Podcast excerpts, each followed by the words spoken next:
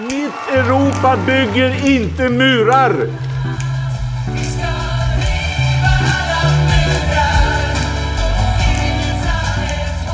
Syftet med de åtgärder som vi nu presenterar är att skapa ett andrum för svenskt flyktingmottagande. Mycket av det som regeringen sa igår ställer ju oss vi positiva till och vi tror också att en del av det kan dämpa trycket. Men vi är fortfarande oroliga för att det inte kommer att vara tillräckligt. Snälla, gör inte det här. Splittra inte familjer. Utsätt inte människor för ännu större risker.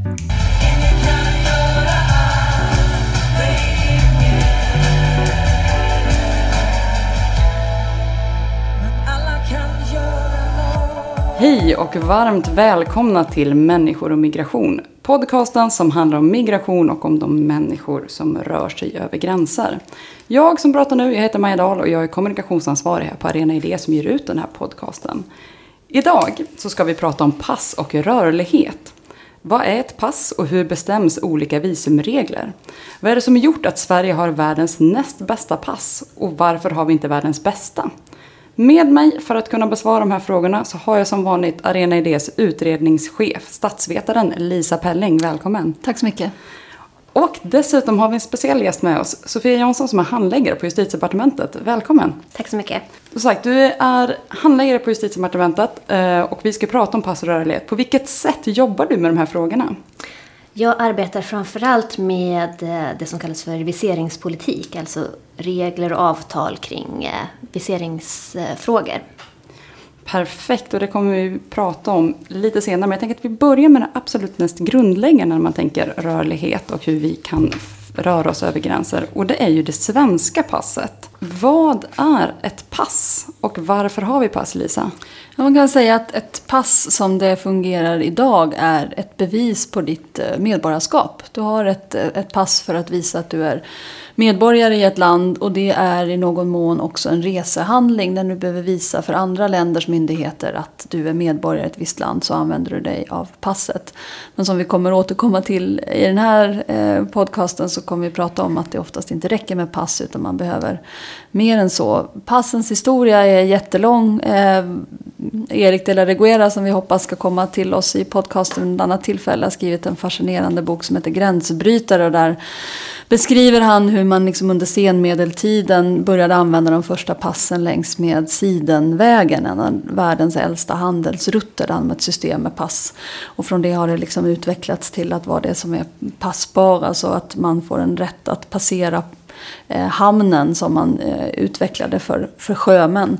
Eh, det som är fascinerande med, med historien med pass är också att vi har inte alltid haft pass som en nödvändig handling för att resa.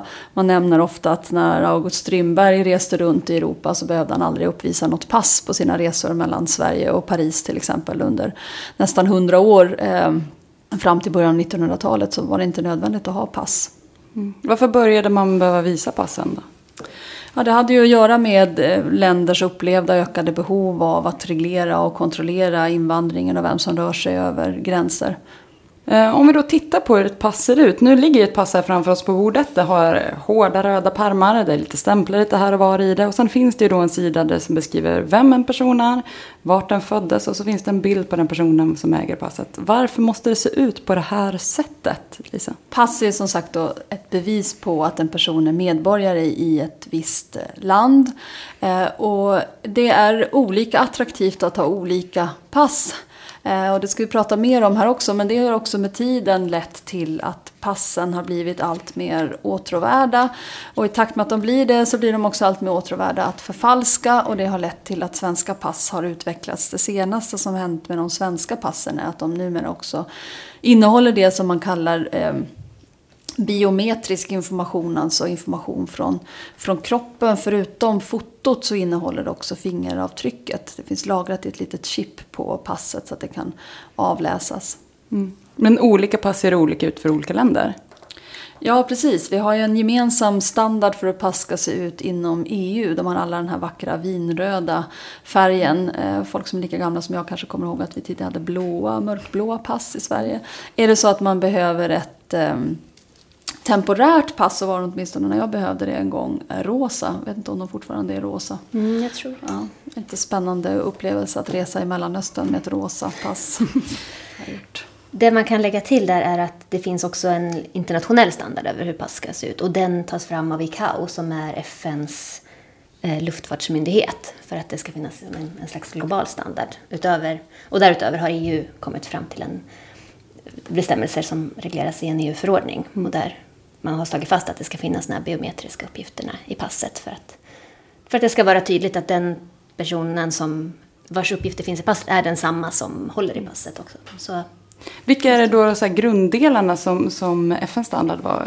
Vet vi vad det är som skiljer?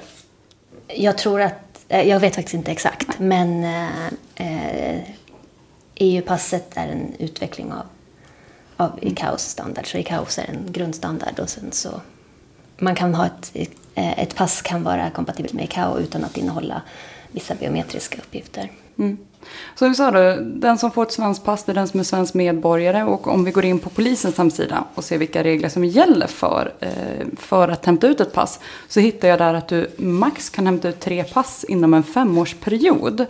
Eh, och så ansöker du då om ett fjärde så under den här perioden så nekas du pass. Vad beror det på? Varför får man bara hämta ut tre pass inom fem år? Det här är en regel som har tillkommit efter det att man har eh, uppmärksammat missbruk med svenska pass.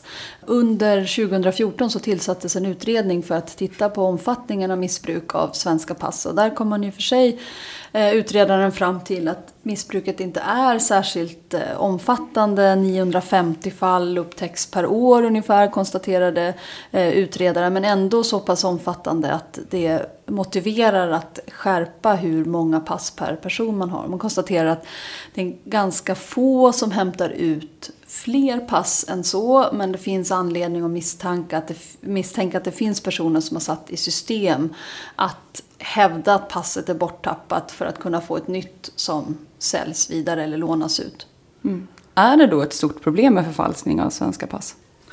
Ja, den, den, som sagt, det är svårt att, att ta reda på det, men den utredning som gjordes eh, konstaterade att svenska pass ligger på åttonde plats i Frontex statistik över vilka pass som eh, upptäcks och misstänks vara förfalskade vid EUs yttre eh, gräns.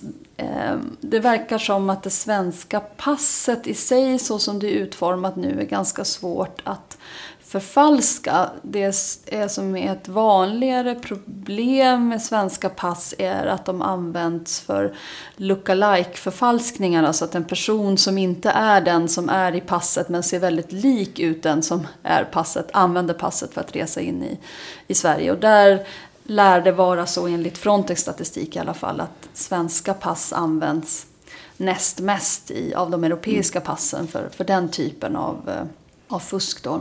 Som när jag använde min systers lägg för att gå på puben när jag var yngre. Precis, precis. Du, du, du har inte förfalskat din syrras lägg utan du har bara utgett dig för att vara Ja, precis. Då är jag med. Ja, men det finns ju de då som har fler pass. Hur ser lagstiftningen ut kring det? Alltså om man har både till exempel svenskt och iranskt. Ja, det finns en, en möjlighet och svensk lagstiftning eh, ger den möjligheten att man kan ha dubbla medborgarskap och till och med multipla med, medborgarskap. Man kan vara medborgare i flera länder samtidigt. Eh, det är inte alla europeiska länder som tillåter det än, men det finns en internationell trend mot att tillåta detta och det har ju att göra med att vi är en värld som präglas av ökande rörlighet och människor vill gärna kunna ha flera medborgarskap. Inte minst gäller det eh, barn till föräldrar som har olika medborgarskap så kan man vilja ha både mamma och pappas eh, medborgarskap. Det handlar också om människor som eh, kanske tvingas fly från sitt land, vill behålla sitt ursprungliga medborgarskap med hopp om att någon gång kunna återvända. Men också ha en möjlighet att integrera sig som en fullvärdig medborgare i det land dit man, dit man kommer när den europeiska tankesmedjan MIPEX, Migrant Integration Policy Index, som publiceras varje år, när de publicerade sin senaste ranking av länder eh, när det gäller integration så hade de en, en viktig del i MIPEX definition av integration är hur lätt eller hur svårt det är att få ett lands medborgarskap. Hur lätt det är att komma som invandrare till ett land och sen så småningom då bli fullvärdig medborgare. Och där rankas Sverige faktiskt näst högst. Efter Portugal är vi det land som anses ha lättast att, eh, att ehm, där, där det anses vara lättast att få medborgarskap. Och det har dels att göra med eh, hur lång tid man måste leva i Sverige innan man får ansöka om medborgarskap. Det är fem år för de allra flesta, lite kortare om man kommer hit som flykting, och lite kortare om man är gift med en svensk eh, medborgare. Men också ehm, just det här med dubbla medborgarskap, det vill säga att man kan behålla sitt ursprungliga medborgarskap och ändå bli medborgare i, i, i Sverige. Mm. Tänk att vi går vidare och pratar om visum, för där har vi ju en stor del av rörligheten, eh, eller frågorna kring rörligheten. För pass är ju en resehandling som vi har pratat om här. Eh, men i vissa fall räcker det ju inte med att bara ha pass för att få komma in i ett land, utan man behöver även ett visum. Hur funkar visum eh, och vad är ett visum? Sofia, det här är ju ditt expertisområde. Ja, jag ska försöka förklara. En visering, det är ett tillstånd för att resa in och eh, befinna sig i ett land under en begränsad tid. Eller ett tillstånd för att få transitera genom ett, ett lands territorium. Transitera innebär att resa igenom? Resa igenom, okay. precis. Och eh, den, det som är huvudregeln för att besöka eh, Sverige och Schengenområdet är att eh, du ska ha en godkänd resehandling, det vill säga ett godkänt pass som erkänns av eh, det land du ska besöka, och en visering mm. som är utfärdad i enlighet med eh, Schengenregelverkets eh, viseringskodex.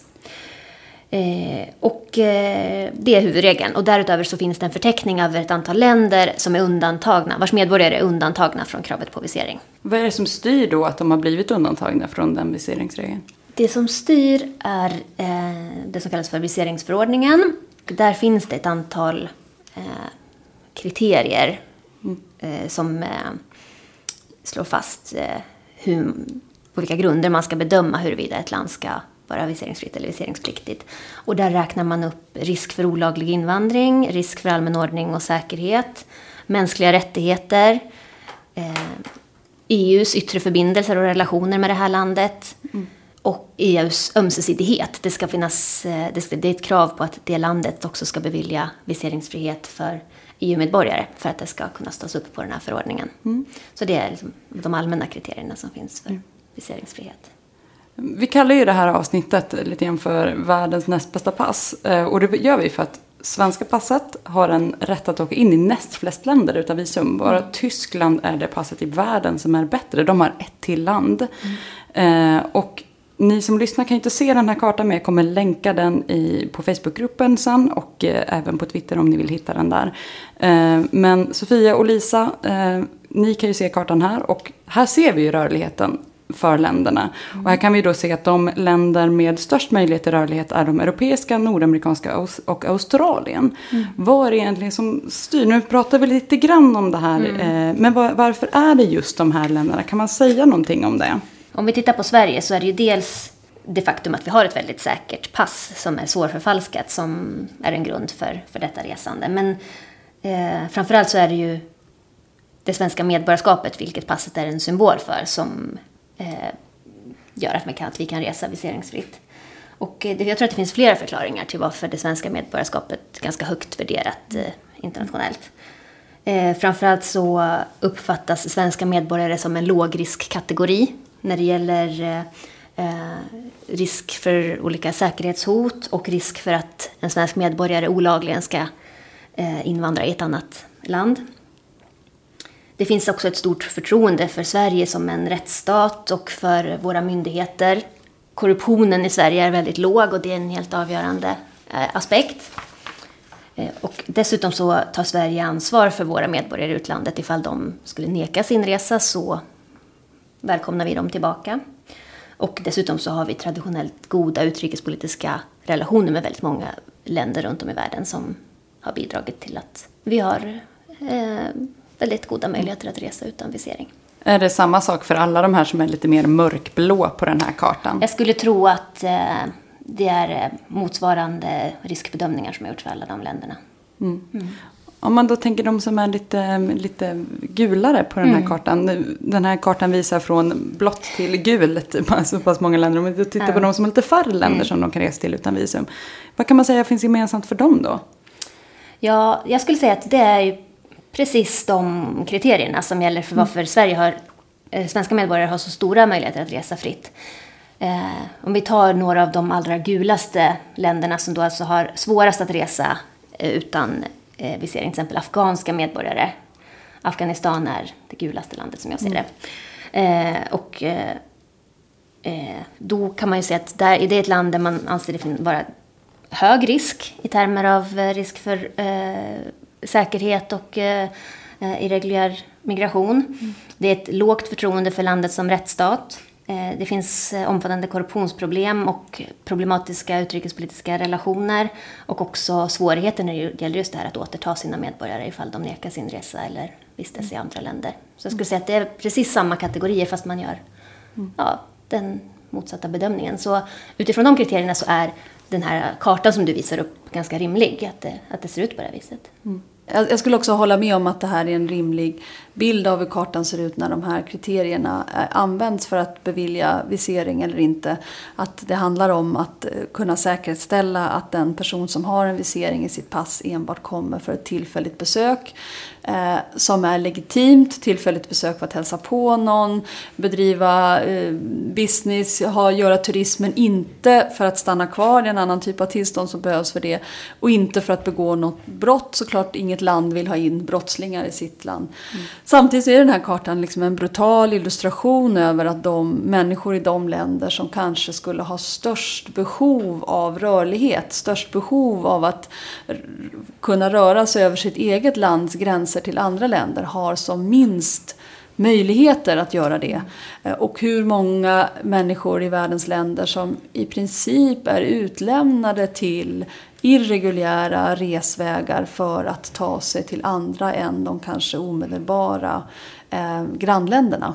Som inte har en möjlighet att få eh, visum, än som, de, de krävs på visum men som också inte heller kanske har möjlighet att, att få dem av precis de här anledningarna som, som Sofia nämner. Mm.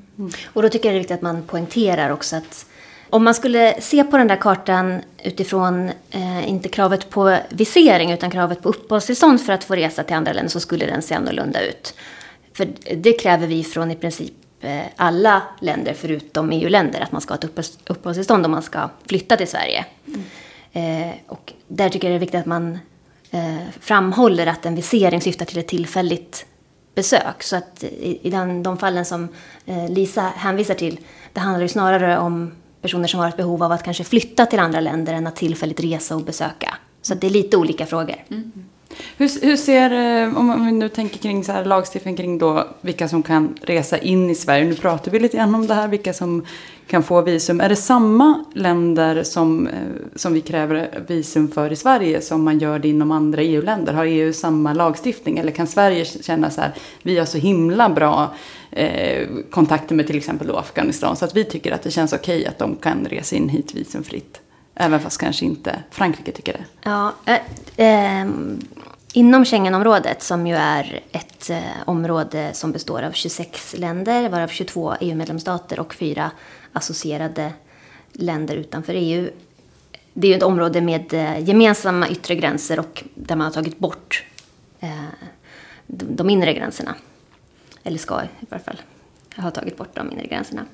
Eh, alla de, Schengenområdet har då också gemensamma regler för vilka som får resa in och gemensamma gränsregler och gemensamma viseringsregler. Så Sverige kan inte Eh, bevilja viseringsfrihet för enskilda tredjeländer. Allting det gör EU gemensamt eh, inom Schengenområdet. Så det finns, det, allting regleras i den här EU-förordningen. Så mm. Men det kan ändå se lite olika ut, kan det stämma? Det är en, är åtminstone en uppfattning som jag har stött på. och rest i, i norra Irak, i den kurdiska autonoma regionen i, i, i norra Irak. Där eh, hävdar man med bestämdhet att det är mycket enklare att få ett visum till Tyskland eller till Italien. Att man kan få det utfärdat på ett tyskt och italienskt konsulat i Erbil eller Havler som är den så att säga, inofficiella kurdiska eh, huvudstaden. Men i princip omöjligt att få ett visum till Sverige. Dels för att Sverige inte har något eh, visumutfärdande konsulat i den regionen. Men också att det är väldigt svårt att få det från den svenska ambassaden i, i Bagdad. Hur kan sådana hur kan såna, eh, olikheter uppstå? Tyvärr så är det så att eh, även fast man följer samma regelverk så, Kan man ha lite olika praxis? så, så kan medlemsstaterna tolka det lite olika. Och, eh, vi strävar ju efter en harmoniserad eh, praxis när det gäller viseringsutfärdandet.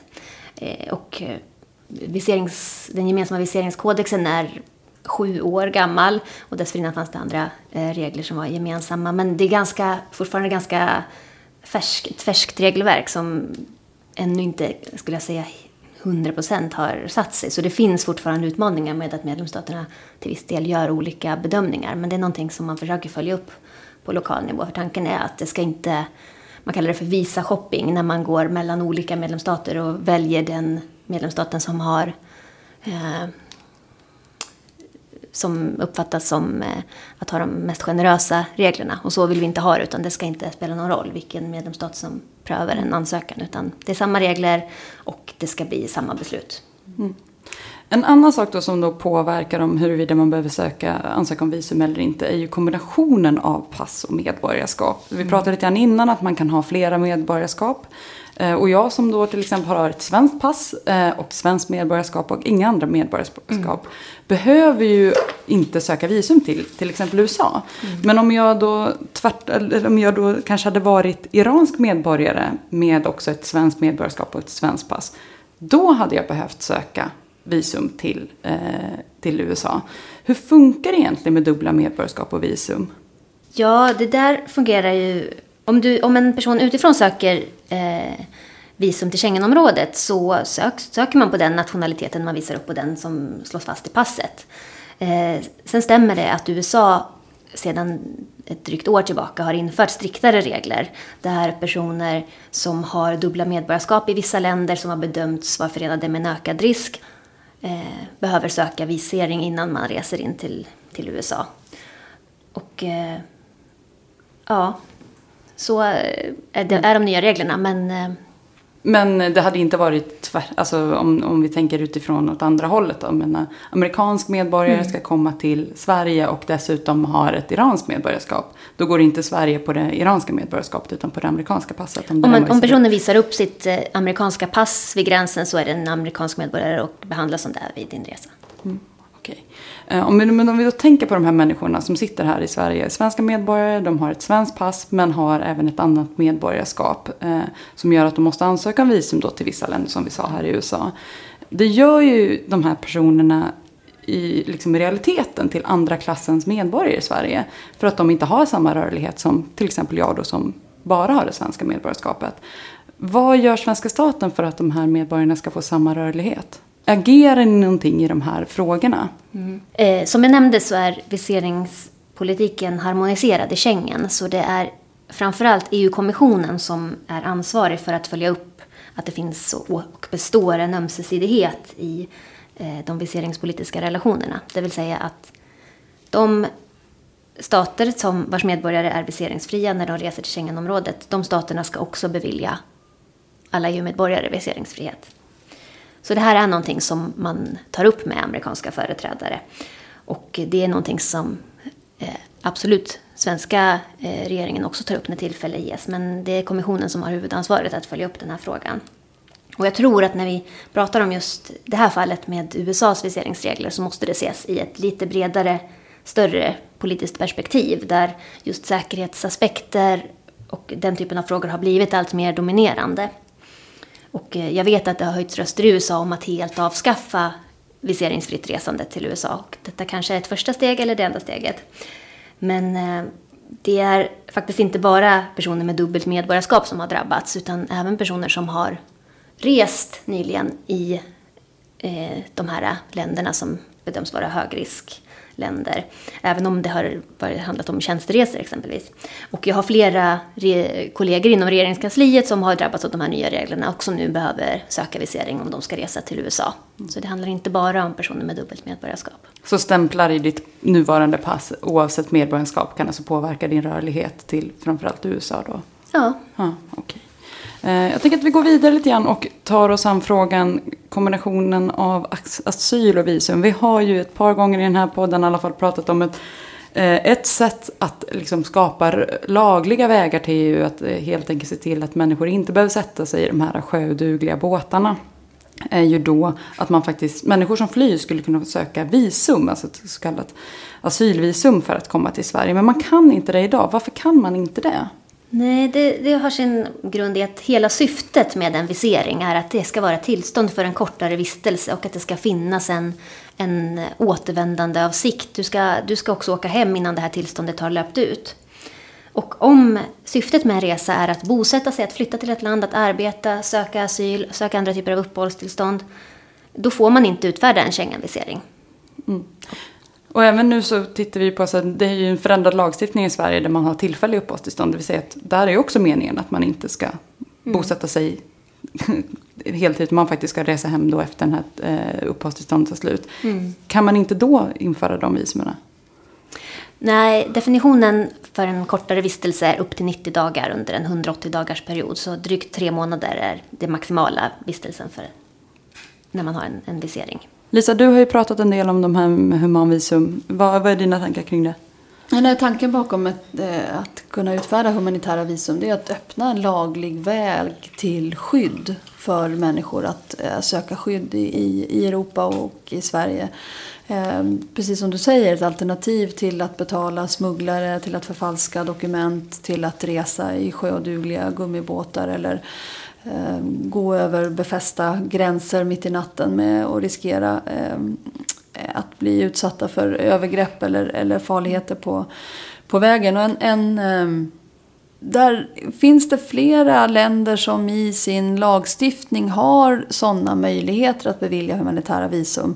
Vilka Eh, då till exempel? Eh, enligt en sammanställning som gjordes för några år sedan så fanns det sådana möjligheter till exempel i den franska lagstiftningen, i den schweiziska lagstiftningen. Men det, det används väldigt, väldigt sällan. I Tyskland så har man haft den, den möjligheten också. Och det, det, det som är tanken med just ett humanitärt visum är då att man beviljar en inresa, en, en tillstånd att resa in för att sedan på plats i det landet ansöka om asyl. Så det är inte så att man beviljar skydd innan inresa utan skyddet beviljas fortfarande liksom på plats i landet men man beviljar en laglig möjlighet att, att resa dit för att, för att söka asyl.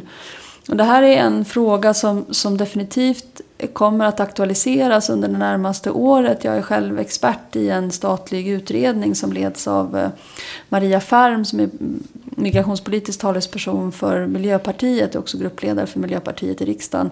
Hon leder en utredning som heter Lagliga vägar att söka asyl i Europa. Och den, den eh, utredningen eh, ska bland annat titta på det här. Skulle det här med humanitära vis viseringar vara en möjlighet att skapa fler eh, lagliga vägar? Eh, jag personligen eh, förstår att det kan verka som ett, en väldigt svår reform att genomföra, särskilt för Sverige ensamt. Man tänker sig, skulle vi genomföra en, en möjlighet att på en svensk ambassad få ett visum utställt som gör det möjligt att resa till Sverige så skulle svenska ambassader kanske bli helt eh, eh, eh, blockerade av stora mängder människor som vill då just till, eh, till Sverige. Det skulle vara väldigt svårt att rent praktiskt hantera detta. Vad gör du med någon som har gått in genom ambassadens grindar som bestämmer sig för att slå upp ett tält i ambassadens trädgård. För att man är, man är rädd att när man väl har visat regimen i Eritrea eller i Iran att man vill fly till Sverige då vågar man kanske inte gå ut från ambassadområdet igen. Jag tror att sådana där praktiska frågor kan hitta en lösning. Jag tror att man kan arbeta med elektroniska ansökningar, man kan arbeta med, med eh, intervjuer via Skype. Jag tror att den stora frågan är att man skulle behöva besluta sig för hur många humanitära viseringar som är rimligt. Och då tror jag till exempel att man måste se det här med lagliga vägar som inte en laglig väg utan många lagliga vägar. Man måste jobba med öppenheten på alla olika fronter, alla olika möjligheter där det finns. Jag, jag skulle till exempel önska att man kunde utfärda säg 5000 humanitära viseringar för anhöriga till, till människor från Syrien som, som inte kan ta sig till Sverige på något annat sätt. Det skulle vara verkligen, verkligen vara en humanitär eh, insats i dess bästa betydelse. Mm. Men är det här någonting som Sverige kan besluta att göra själv? Eller krävs det då att, att hela Schengen-gänget går med på att humanitära visum det är det vi kommer tillåta? Eh, det är svårt att säga. Jag tror att det skulle krävas att man tittar djupare på, på lagstiftningen och, och, och möjligheterna. Eh, det är ju en jättekomplex fråga och det finns nog inga enkla svar på det skulle jag säga. Eh, för svensk del har vi ju än så länge valt att framförallt arbeta genom UNHCR när det gäller lagliga vägar för personer med skyddsbehov. Och då handlar det om personer som har blivit eh, eh, intervjuade och som är, är klara och har fått eh, ett tillstånd som, som flygs in, så att säga. Och eh, än så länge är det den ordningen som har bedömts vara den etablerade rättssäkra ordningen. Mm. Det är ju inget som säger att en person som får en sån här asylvisering och vad ska den baseras eh, bedömningen på? Är det ambassaden som gör bedömningen eller är det någon annan som gör bedömningen? Är det personen själv som gör bedömningen att den har ett skyddsbehov? Vad händer om personen reser in till Sverige och sen vid prövningen så fram, framkommer att personen kanske utgör ett säkerhetshot, att personen inte har ett skyddsbehov. Ja, det ställer många, jag tror det är många komplexa frågor som eh, måste hanteras. Men eh, jag får önska Lisa lycka till i utredningen. Ja. Men du menar, du, du menade när du pratar om hur vi går via UNHCR, då tänker du på kvotflyktingsystemet? Ja, man, precis. Mm. Där Migrationsverket är nere och gör prövningar som jag har förstått det som. Ja, antingen att Migrationsverket eller att man uh, tar ut dem på en bedömning som UNHCR har gjort. Mm. Och det handlar om 1900 personer just nu och ska utökas till 5000 personer om, mm. om året. Så det är ändå en, en jämfört med hur många som får uppehållstillstånd i Sverige av skyddsskäl efter att ha kommit hit eh, eh som asylsökande är ju det en, en väldigt liten andel. Mm. Om vi då, när vi ändå liksom är igång och pratar om asyl och visum så är ju det också en, en anledning till att människor nekas visum till Sverige. Nu lite grann som vi pratar om att, Eh, att man inte kan ha asylvisum. Utan det finns ju människor som nekas visum till Sverige genom eh, ett antagande om att de faktiskt kommer söka asyl i landet. Och vi har ju via media fått ta del av fotbollslag som ska komma hit och spela i Gothia Cup men som nekas för att man tror att de kommer söka asyl. Konstnärer, musiker som ska uppträda eller bara människor som vill ha besök av sina släktingar som inte kommer in på grund av just den här antagandet om att de kommer söka asyl när de kommer in. Mm. Hur görs de här antagandena och varför nekar man då inträde? Eh, Sofia? Ja, alla viseringsansökningar som lämnas in på eh, våra utlandsmyndigheter prövas ju individuellt. Och man ser på varje individuell ansökan utifrån eh, det regelverk som finns. Och eh, jag kan ju inte uttala mig om de här enskilda, enskilda fallen men vanligen så är det just det som kallas för återvändande av sikten som inte har kunnat fastställas. Och det är ett absolut krav i EUs eh, viseringsregelverk att, eh, att återvändande av sikten ska vara fastställt för att man ska få utfärda en visering den måste, personen måste visa att den är etablerad i hemlandet och kommer kunna återvända dit. Mm. Kommer vilja återvända dit. Finns det, liksom, finns, det ett, eh, finns det skäl att vara orolig? Jag tänker till exempel på väldigt många som, som har släkt i ett annat land som ska, då ska komma hit och hälsa på. Är det ofta att människor har kommit hit på visum innan och sen sökt asyl? Eller vad, är det här liksom förebyggande? Det har förekommit väldigt mycket i stor utsträckning skulle jag säga. Så att, eh, jag tror att de antagandena som görs baseras på hur mm. det faktiskt har, har, sett ut. Men sen måste jag också bara lägga till att alla personer som har nekats en, eh, en visering vid en ambassad får sitt beslut motiverat och kan överklaga det beslutet till domstol för att få en prövning av om eh, beslutet var korrekt. Mm. De svenska migrationsdomstolarna som överprövar det? Ja, det är eh, förvaltningsrätten i Göteborg som överprövar det. Ja. Mm. Mm. Men det kan ju vara också ganska svårt, tänker jag, så här, även, även om de får det motiverat. Så tänker bara på liksom vänner i min närhet som har haft mm. problem att få in släktingar. Som, där de fullt medvetna om att så här, men den här personen ska åka mm. hem. Så här, den har mm. jobb, den har bostad i, i det landet den flyr. Men Sverige gör ett antagande som kanske också kan kännas lite förmätet. Att alla, ska, alla som kommer in här kommer vilja bo, bosätta sig i Sverige. Mm. Att jag tänker att det är svårt kanske för den personen som mottar beskedet att, att också överklaga när det kanske är lite, lite luddiga regler ändå. Ja, nu, jag tror att de, de flesta som får avslag överklagar faktiskt. Eh, men sen så är reglerna hårda och personer som är inte etablerade, ogifta personer som inte har familj eller Eh, arbete eller på annat sätt är etablerade i sitt hemland har ofta svårt att, att kunna visa på den här återvändandeavsikten och, och då är det ibland svårt att, att få visering. Mm. Finns det någonting som släktingarna i Sverige kan göra? Är det så att man som släkting i Sverige kan visa att man har möjlighet att betala returbiljetten, stå för personens försörjning under de tid, den tid som man är i Sverige till exempel? Absolut, ja. men jag tror inte att de delarna bekräftar inte den här återvändande avsikten. Men att ett sponsoråtagande är att man kommer att stå för försörjning och returbiljetter. Det, det kan vara en utöver, utöver det. Precis. Mm. Mm. Det här är ju något som jag tror att ganska många av våra lyssnare som då kanske inte har släkt något annat land har lite svårt att förstå. Eh, just här, vad är det det kan, alltså så här, jag, kan se så här, det, att det känns orättvist när man väl sätter sig in i en annan person som inte kan få in sin kusin eller sin, sin moster eller vad det nu kan vara för att man antar att den här personen ska söka asyl. Finns det något annat liksom som, som man skulle kunna rucka i det här, det här regelverket? Finns det någonting som svenska staten kan göra för att fler ska få möjlighet att faktiskt träffa sina släktingar? Nu när vi lever i en, i en värld där allt fler faktiskt har rötter i andra länder. Ja, jag tror att det är svårt när det gäller eh, regelverket på, på EU-nivå att få igenom en ändring. Men vi ska väl vara glada att vi då har ett så bra pass som gör att vi kan resa och besöka personer i andra länder än så länge i varje fall. Mm. Jag, jag, jag, tänker det som är eh, jag, jag inser att det finns många fördelar för Sverige som land att ingå i, i Schengen och det är naturligt att ett eh, område som har gemensamma yttre gränser mm. och fri rörlighet inom området också har en gemensam viseringspolitik. Det skulle vara märkligt om man inte hade det om man inte strävade mm. mot att ha det. Samtidigt så säger jag att, att europeiska länder har olika relationer till olika länder utanför EU. Storbritannien har eh, väldigt nära band till mm. tidigare Commonwealth. De Frankrike har väldigt nära band till de franskspråkiga länderna i Afrika. Och mm. Sverige har väldigt nära band till de som man kan kalla våra mänskliga mm. grannar.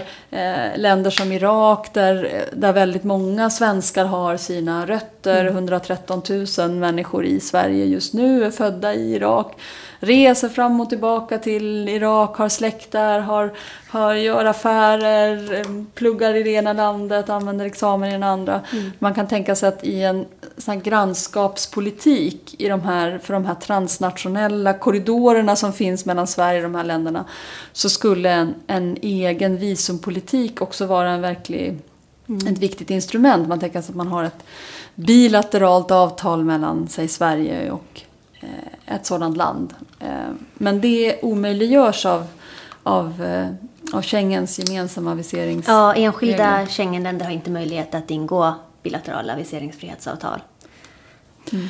Ett jätteviktigt tillägg där tycker jag är att bara poängtera att viseringskravet som Sverige mångt och mycket står bakom gentemot vissa länder försöker vi koppla bort från vår övergripande relation med landet. Utan vi har tekniska krav och kriterier baserat på objektiva riskbedömningar för när ett viseringskrav ska finnas och inte. Vilket inte behöver betyda att Sverige inte har väldigt goda relationer med landet i fråga och, och stödjer det på många sätt, både politiskt och, och ekonomiskt. Så att man inte blandar ihop eh, vad som är en politisk relation och vad som är den viseringspolitiska relationen.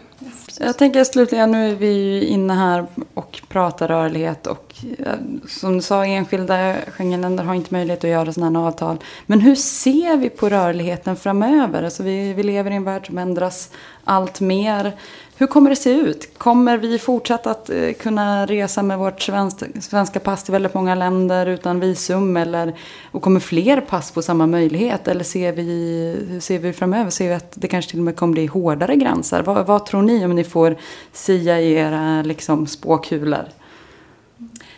Jag skulle säga en, en sak som är uppmuntrande är den eh, rörelse mot ökad rörlighet som äger rum inom Latinamerika. Där har länderna gått från att ha eh, förenklat visumreglerna till att helt och hållet avskaffa nödvändigheten av att ha visum. Man har öppnat upp arbetsmarknader med varandra. Så där finns liksom en positiv rörlighet att människor på den, eh, i den sydamerikanska kontinenten har fått ökade möjligheter att röra sig över gränser. Men i andra områden så har det blivit svårare. Till exempel så är det en direkt konsekvens av att EU har externaliserat sin migrationspolitik till Nordafrika. Att EU har ställt krav på länder att man ska stärka sin, eh, gräns, sina gränskontroller, sin migrationskontroll, vilket också har drabbat människor som till exempel har rört sig från Mauretanien för att jobba i Marocko eller som har kommit från, från Afrika söder om Sahara för att jobba i, i Libyen eller Algeriet. Det har blivit svårare i takt med att EU har ställt krav på de här länderna att, att, ehm, att utöka sin, sin, eh, sin gränsbevakning. Så där kan man säga att man kanske har kommit längre bort ifrån att ha zoner av, av gemensam rörlighet än, än man hade i praktiken för, för eh, några år sedan. Mm. Vad säger du Sofia? Vad, vad ser du för, framöver? Jag tror att vi kommer se en ökad rörlighet, men jag tror att den kommer vara kombinerad med ökade kontroller och krav på visering och, mm. eh, och den typen av, av eh, tillstånd. Jag tror att så som världen ser ut just nu med ett ganska spänt säkerhetsläge och en rädsla för terrordåd. Så ja, jag tror inte vi ska vara överoptimistiska när det gäller mm. eh, öppna gränser i, i närtid. Men samtidigt så finns det många positiva rörelser också. Till exempel så eh, fattar EU successivt beslut om nya viseringsfria länder. Jag tror det närmaste året kommer vi se flera länder i, i EUs närområde som kommer kunna resa viseringsfritt till Schengenområdet. Så att det, händer, det förekommer både positiv utveckling men på det stora hela så tror jag inte att vi kan förvänta oss öppna gränser i världen under de närmaste åren. Mm. När det gäller ehm, medborgarskap, jag får lägga till, så hade man Tidigare så kunde man dela upp Europa väldigt tydligt i två olika traditioner. Man hade eh, ett en tradition som innebar att man fick medborgarskap om, eh, utifrån det territorium som man befann sig på. Den franska traditionen att om man vill vara fransman så ska man få vara fransman och alla som föds i Frankrike blir också automatiskt eh, eh, fransmän, i, man får ett franskt medborgarskap.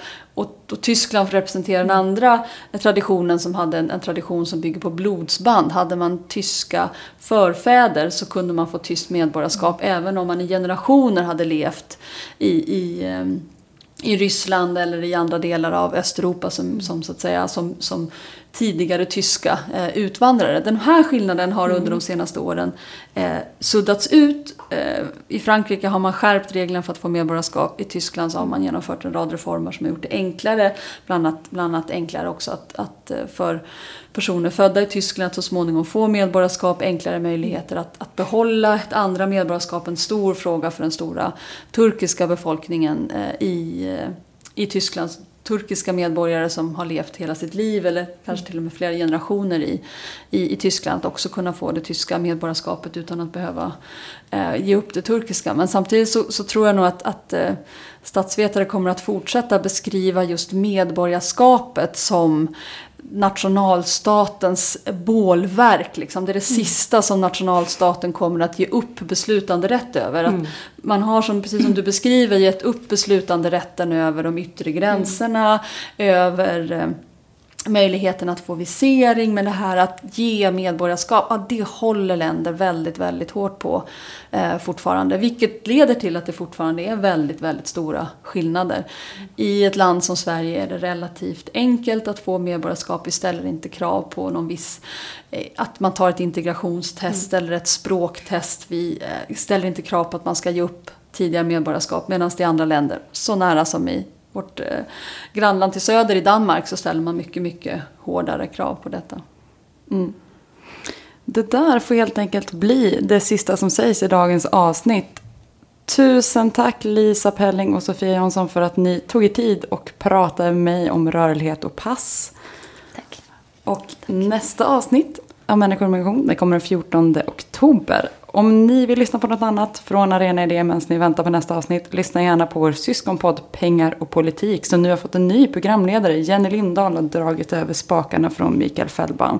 Så lyssna gärna på det. Eller så kan ni lyssna på Arena Play och där hittar ni då de seminarier som Arena Idé arrangerar. Så både Pengar och politik och Arena Play hittar ni via Soundcloud, iTunes eller där ni letar poddar.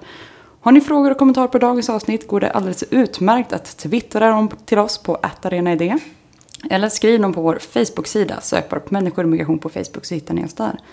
Det var allt för idag. Tusen tack till er som har lyssnat och tack Lisa och Sofia.